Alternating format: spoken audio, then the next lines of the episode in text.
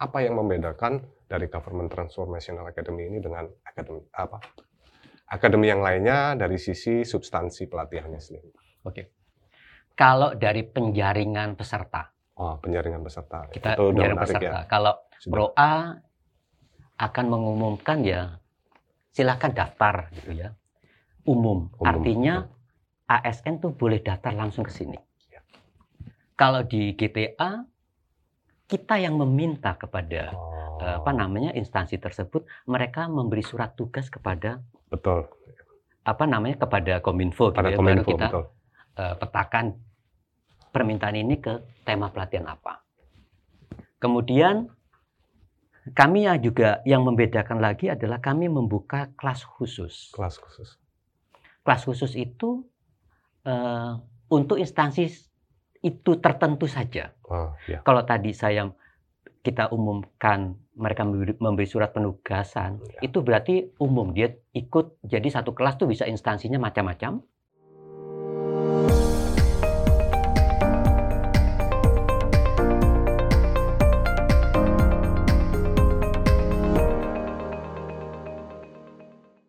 Hai Talkers, bertemu lagi di Talent Talk Podcast. Pada episode kali ini kita akan membahas mengenai Government Transformational Academy. Nah, sebelum melanjutkan diskusi ini, perlu kami tegaskan bahwa proses pengambilan gambar ini telah memenuhi protokol kesehatan dari pemerintah. Nah, langsung saja kita undang dan kita akan berbicara dengan salah satu narasumber kita. Beliau ini adalah salah satu senior saya, dan beliau ini adalah orang yang sangat berpengalaman dalam lingkup birokrasi dan beliau juga merupakan ketua Pokja dari Akademi Government Transformational Academy. Oke, kita langsung saja siapa? Bapak Heri Abdul Aziz. Halo Pak Heri. Selamat Halo, pagi. Selamat pagi. Selamat pagi. Assalamualaikum. Kabar baik Pak? Kabar baik sangat sehat. Di kesempatan kali ini kita akan ngobrol dengan Pak Heri eh, mengenai Government Transformational Academy. Nah, kenapa hal ini cukup menarik untuk kita bahas, Pak? Karena selama ini tuh image dari ASN itu eh, bahwa kita itu kurang melek teknologi. Kemudian dengan hadirnya reformasi birokrasi dan revolusi industri 4.0, kita dituntut untuk semakin menguasai teknologi. Dan perlu sedikit info mungkin di yang Tolkers perlu tahu bahwa di tahun 2018 Pusat Pengembangan Profesi sempat membuat sesuatu survei di kurang lebih 24 kabupaten kota dan provinsi dengan responden sejumlah 1.400 orang bahwa kebanyakan dari ASN Pak itu tidak menempati job role yang sesuai dengan latar belakang pendidikannya.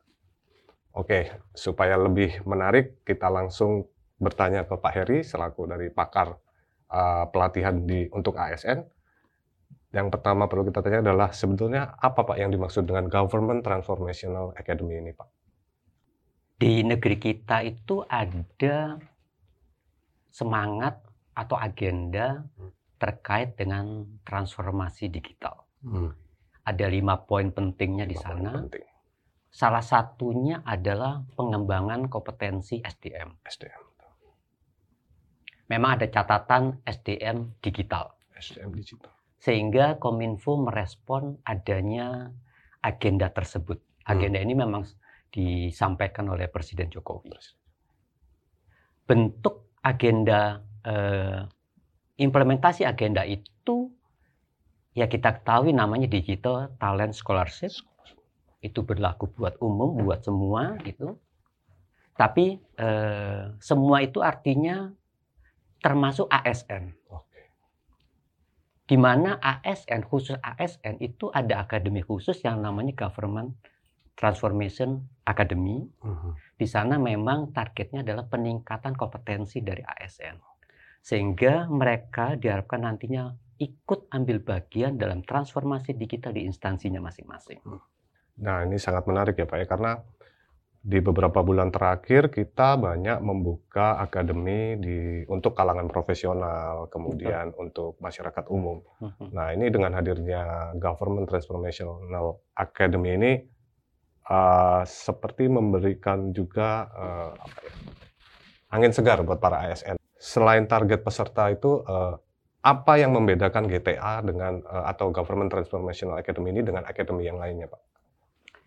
yang sangat membedakan pasti targetnya. Targetnya ya. Oke. ASN dan non Ya, ASN. betul. Kemudian eh, untuk yang katakanlah skema pelatihannya, Mhm, memang ada beberapa, skema yang kita arahkan ke arah kepemerintahan. mhm. Saya ambil contoh saja government eh, government proses reengineering misalkan begitu. Ini memang kita arahkan ini berbasis dari proses bisnis reengineering. Tapi kita eh, munculkan tema pelatihan itu karena memang eh, beberapa kebijakan kita eh, menuntut adanya pembenahan proses bisnis di instansi masing-masing. Oh. Proses Katakanlah bisnis. dalam bentuk eh, dalam kebijakannya di Kementerian PAN misalkan Ya, gitu. ya. Kominfo merespon itu. Hmm, Kemudian transformasi digital itu sendiri tidak bisa berjalan kalau kita tidak melihat proses yang ada di dalamnya. Oke, betul.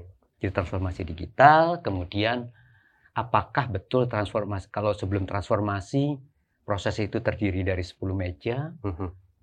Kemudian masih tetap 10 meja sebegitu ada sentuhan dari digital. Ya, ya. Nah, ini perlu yang di apa namanya? yang di di di diajarkan, diberitahukan kepada para Ah, ASN iya. bahwa kondisi itu bisa berubah. Nah, Pak Heri, eh, kalau kita bicara ASN, karena banyak juga pertanyaan dari talker semua sebetulnya. ASN itu, kategori ASN itu apa saja, Pak? Bisa dijelaskan dan mungkin syarat-syarat yang harus dipunyai dari ASN ini apa, Pak, untuk mendaftar di pelatihan Government Transformational Academy ini, Pak? Baik. Batasan ASN dari eh, peraturan pemerintah memang PNS plus P3K. P3K itu eh, pegawai pemerintah dengan perjanjian kerja. Hmm. Tapi kami juga kemudian eh, memperluas kondisi itu.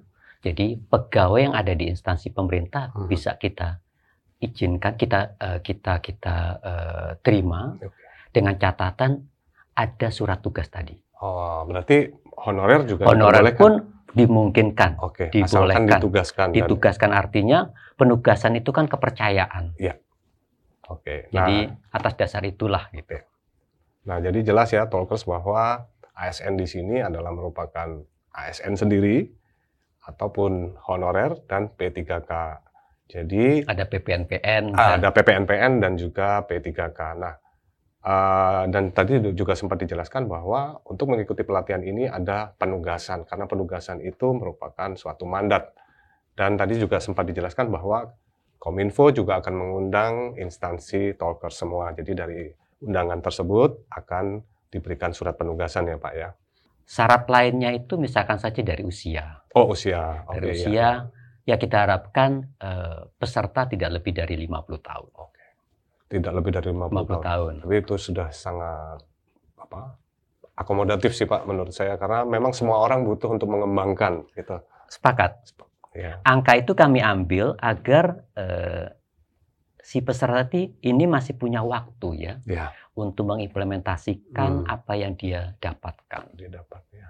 Ya tergantung dari nanti eh, level dia, biasa ada yang usia di 58, Hmm. ada yang di 60, bahkan ada yang sampai 65 atau Hmm. 70. Jadi usia ini yang kita ambil yang Hmm. saya pikir masih eh, moderat gitu Ya, ya. ya, ya. Nah, kemudian persyaratan berikutnya tentunya tergantung dari eh, skema pelatihannya sendiri.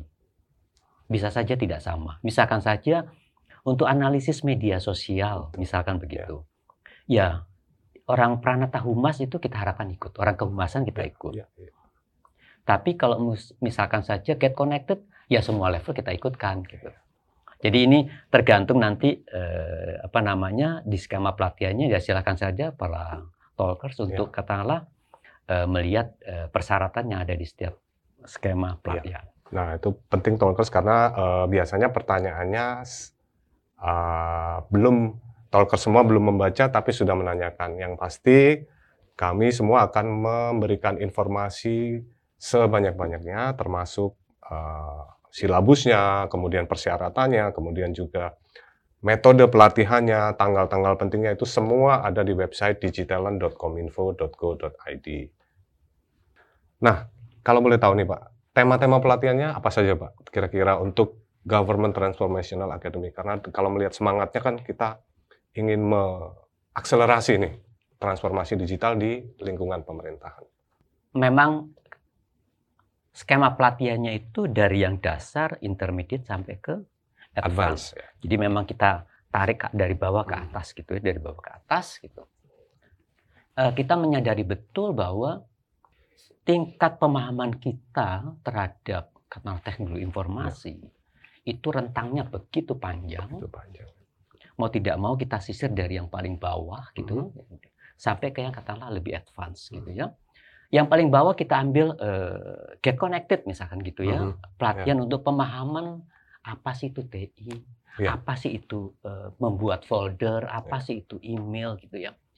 Itu diberikan memang Mhm. agar ya namanya get connected ya kita bicara agar connect saja. Agar connect. Karena ya. kalau dia kita bilang folder, coba kamu bikin folder Ya. gitu ya. Kok folder bikin sih Pak? Ya. Beli aja gitu. Ya. Padahal yang kita maksud adalah folder yang kita buat di laptop atau Laptop. komputer ya. bukan folder yang ada di toko buku. Ada misalnya. itu buku. Jadi ya. ini supaya nyambung saja sih Iya, gitu ya. Iya, iya. Kemudian bergerak naik ya. Ada misalkan IT business analyst. Iya. Ada pro- ah, IT project management. Project Hmm. Khusus juga untuk para widya suara. Mhm. Itu kita buat khusus pada para widya suara Hmm. karena begitu kita ajarkan widya suara mereka akan mengajarkan ke ASN di bawahnya karena widya suara itu kan ngajar ya Ngajar jadi ke betul. bawah Jadi itu beberapa contoh pelatihannya supaya multiplier efeknya berjalan terus Pak ya. kita ambil contoh yang eh, widya suara tadi Iya, gitu betul. Sepakat tuh Pak. Nah, Iya. mungkin yang juga menarik mungkin ada beberapa atau bisa dikatakan survei atau mungkin dari Akademi GTA sendiri sudah membuat satu pemetaan ya Pak. Tadi menarik bahwa gap-nya ini cukup besar. Gap itu bisa jadi eh, rentang usia atau rentang generasi, kemudian Hmm, hmm, dari wilayah ya Pak ya. setuju Seperti kita ketahui bahwa ada ada juga ketidakmerataan mengenai eh, infrastruktur. Kalau perbedaannya sendiri nih Pak, pelatihan Government Transformation Transformational Academy di tahun ini itu apa Pak dengan tahun-tahun sebelumnya? kalau tahun 2020 itu memang kita fokus di pem- eh, di regional artinya di daerah di Pemda Betul. Kemudian eh, di tahun yang 2021 kita perluas gitu ya. Iya. Jadi tidak hanya di eh, Pemda tapi juga di kementerian dan lembaga. Itu yang membedakan. Itu yang membedakan. Iya. Nah, kita agak lebih spesifik lagi nih Pak. Kalau dari rancangannya sendiri Pak, aktivitas pelatihan di Government Transformational Academy ini apa saja Pak? Misalnya peserta ini akan dilatih apa saja? Apakah secara teknikalnya? Oke. Mungkin ambil salah satu contoh pelatihan supaya talker semua yang mungkin juga ASN itu bisa mengerti apa sih bedanya Government Transformational Academy dengan misalnya Professional Academy. Karena. Professional Academy ini sebetulnya ASN juga diperbolehkan. Kalau dari penjaringan peserta, Oh, penjaringan peserta. kita itu menarik peserta. ya. Kalau Sudah. Pro A akan mengumumkan ya silakan daftar gitu ya. Umum. Umum, Artinya ASN tuh boleh daftar langsung ke sini. Ya. Kalau di GTA kita yang meminta kepada Oh, eh, apa namanya instansi tersebut mereka memberi surat tugas kepada Betul. apa namanya kepada Kominfo gitu Pada ya, Kominfo, baru kita betul. eh, petakan permintaan ini ke tema pelatihan apa. Kemudian kami yang juga yang membedakan lagi adalah kami membuka kelas khusus. Kelas khusus.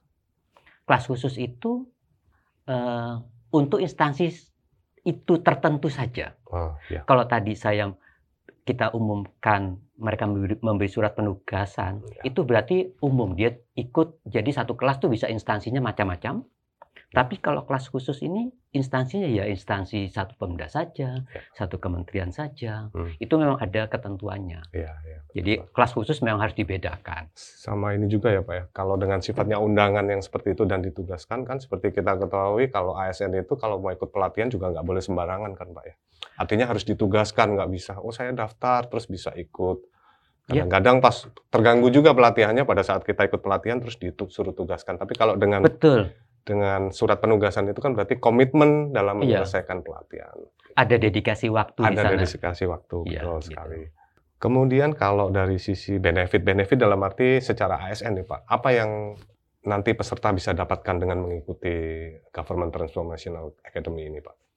Saya ambil contoh yang sederhana ya. Eh, misalkan saja salah satu tema pelatihannya itu adalah eh, network administrator. Network administrator.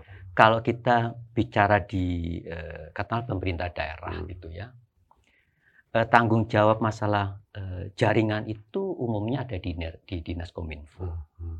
gitu ya. Ya, betul. Nah, keterbatasan mereka untuk menangani seluruh perangkat daerah Ya. itu eh, apa namanya? Mungkin saja tidak tertangani karena memang mungkin Hmm. keluhannya banyak mungkin gitu ya. Hmm. Tapi di eh, administrator jaringan ini dia- mereka diajarkan bagaimana katakanlah membuat eh, akses untuk eh, near, ka- eh, near kabel, Near wifi kabel. gitu ya. Caranya membuat koneksi antara eh, gadget satu dengan gadget lainnya. Iya. Dan itu akan diajarkan bukan hanya kepada orang dinas kominfo, tapi juga perangkat daerah lainnya. Betul. Sehingga menghilangkan ketergantungan dengan pihak dinas kominfo. Dinas ketergantungan di Kominfo, sini benar. artinya jangan sampai kita tidak bisa ngeprint manggil orang, Betul. betul. tidak Betul. bisa akses ambil orang, memanggil si dinas Ya. itu sehingga dinas kominfo bisa melakukan hal yang lebih strategis. Hal yang kecil-kecil tadi ditangani oleh ya orang kepegawaian nangani, gitu ya. Kemudian orang eh, apa satpol pp nangani, Ya. bisa ya. Itu eh, eh, apa namanya eh, pengetahuan-pengetahuan itu yang kami berikan kepada eh, apa namanya eh, para peserta nanti ya, nantinya. para calon peserta. Nah itu kayaknya juga sesuai dengan mandat dari manajemen PNS ya Pak ya bahwa Mm-mm. atau ASN nantinya bahwa setiap orang itu bisa berpindah-pindah Ah, organisasi itu dengan bagus. mudah ya. Betul. Jadi betul, tidak harus bergantung kepada satu entitas saja bahwa nantinya betul. uh, si orang ini bisa ditempatkan di mana saja sesuai dengan tugas yang uh, dia kuasai. Maksudnya dia expertnya di mana itu dia bisa di Pak ditugaskan di mana saja. Nah Pak, kalau melihat akademi lain ini kan bermitra dengan uh, global tech company, dengan universitas. Kalau Government Transformational Academy ini dengan siapa saja Pak? Iya, eh, semangat awalnya itu waktu di RDA dulu ya, yang tahun 2020 itu dari ASN untuk ASN sebetulnya. Dari ASN untuk ASN. Sehingga seperti sombong gitu ya, jadi tidak sangat apa eh, eksklusif gitu ya. Eh, kemudian perjalanan waktu dari Iya. perjalanan waktu tidak semua skema pelatihan yang dibutuhkan itu Hmm. mampu diakomodir oleh Kominfo Hmm, ya benar. mau tidak mau kita menggandeng pihak mitra lain gitu. Saya dengar targetnya juga cukup besar ya Pak ya tahun ini. Em, lumayan sih ya. Sampai 20.000 ribu tuh bukan hal yang sederhana Iya. sih. ya, sangat paham Pak, 20 ribu.